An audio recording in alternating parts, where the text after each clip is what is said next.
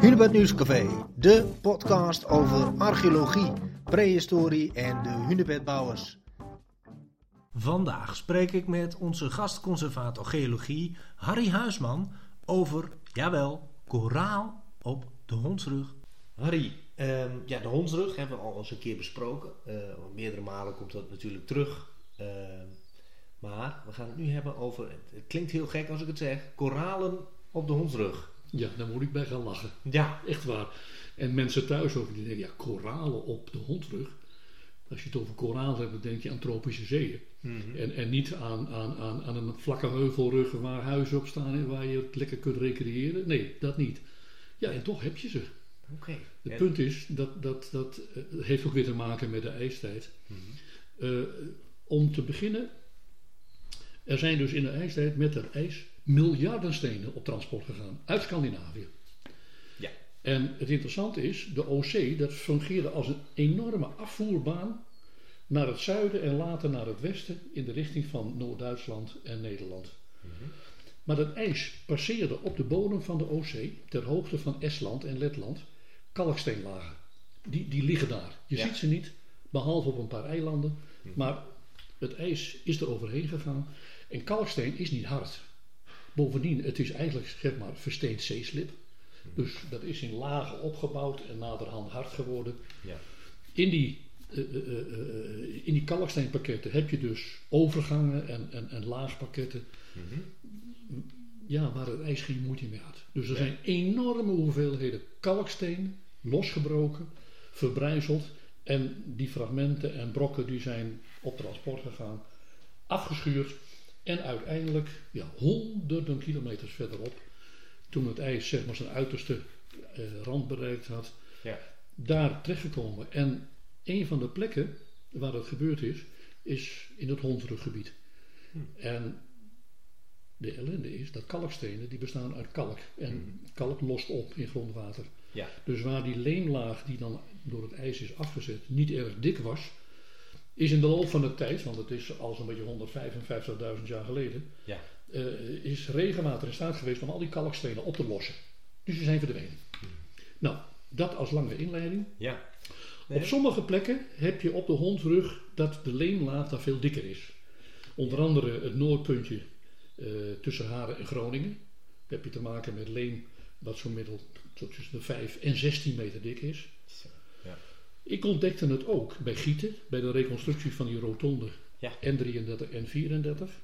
En daar is eigenlijk het verhaal van die zeg maar hondrugkoralen min of meer uh, bekend geworden. Ja. Want daar had je ook te maken met hele dikke leemlagen. En men heeft die onderdoorgang in de hondrug uitgegraven. Ja. Daar kwamen allemaal stenen uit. En tot mijn verrassing heel veel kalkstenen. En ik verzamel mijn leven lang al kalkstenen op de noordelijke hondrug tussen Haren en Groningen. Hmm. En ik wist, daar zitten ontzettend veel koralen in, verhoudingsgewijs. Ja, Koralen afkomstig van eilanden voor de kust van Estland. Dus dan heb je zo'n beetje Zuidwest-Finland te pakken. Ja. En dat zijn koralen die ook niet zo jong zijn. Ze stammen uit de Siluurperiode en dat is zo'n beetje 430 tot 410 miljoen jaar geleden. Ongelooflijk. 430 miljoen jaar geleden. Toen had je dus daar een zee mhm. die warm geweest moet zijn waar koralen in konden groeien, waar sponsen in konden groeien en waar je allerlei andere beesten had.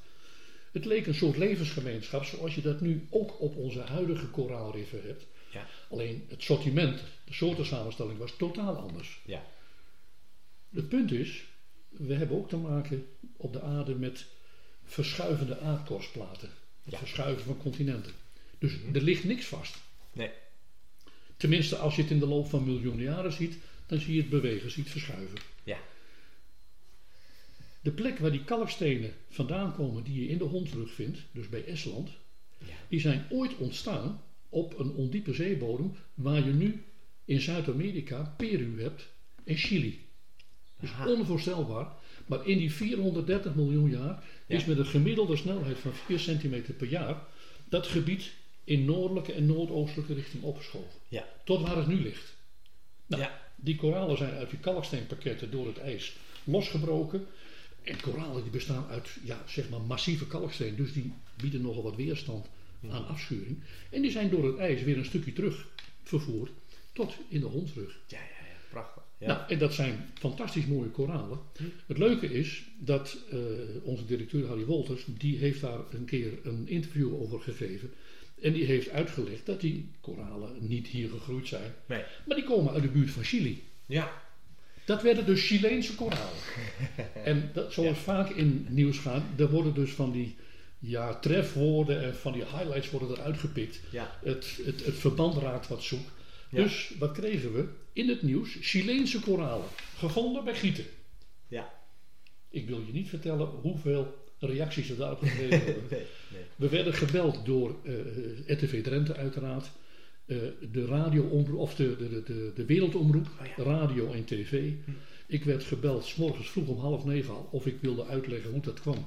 Dat je in Drenthe Chileense koralen vond. Ik werd gebeld door, door, door, door uh, Hilversum 2, Radio 2 toen de tijd nog. Ja. En toen ik dus nuanceerde dat het weliswaar koralen waren, maar dat die met Chili niks te maken hadden, behalve dat ze daar ooit gegroeid waren, hmm. ja, dan, dan, wordt het, dan wordt het wat minder spannend. Hè? Dan is de nieuwswaarde wat, wat, wat vlakker. Dus, maar in ieder geval, ik ben met, uh, met verschillende tv-ploegen op die plek bij Gieten geweest. Prachtig. En daar hebben we ook gezocht. En het leuke is dat je mensen ook kunt laten vinden.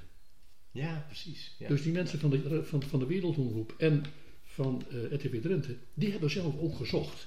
En die hebben ook koraaltjes gevonden. Oh nou, dat, dat zijn belevenissen. Ja. En het leuke is, met, met RTV Drenthe, met die, met die, met die kalksteen en koralen dat gieten, dat ze hadden opnames gemaakt en ze vroegen mij of ik nog eventjes gewoon met mijn hamer in de hand, ja, in, in, in, in echt in de outfit zoals ik dat altijd heb, ja. aan en dat soort dingen, naar beneden te lopen in die leen. Ja, ja. In, in, in die leentroep en, en hier en daar eens wat wilde doen, alsof ik een steen opraatte. Mm en toeval bestaat niet, maar in dat geval wel. Ik loop dus naar beneden. Ze zijn bezig van boven die film of die, die, die opname te maken. En ik zie daar een witte steen in die rode leen zitten. Dus ik doe mijn hamer erachter, trek hem eruit. Is het een puntgave versteende zeeegel?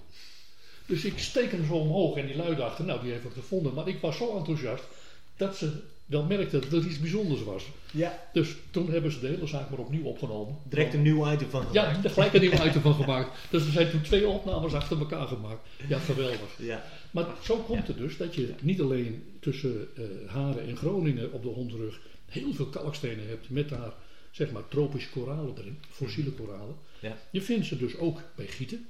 Maar uh, uh, bij de bouw van de dierentuin in Emmen ja. hebben ze dus verblijven moeten graven.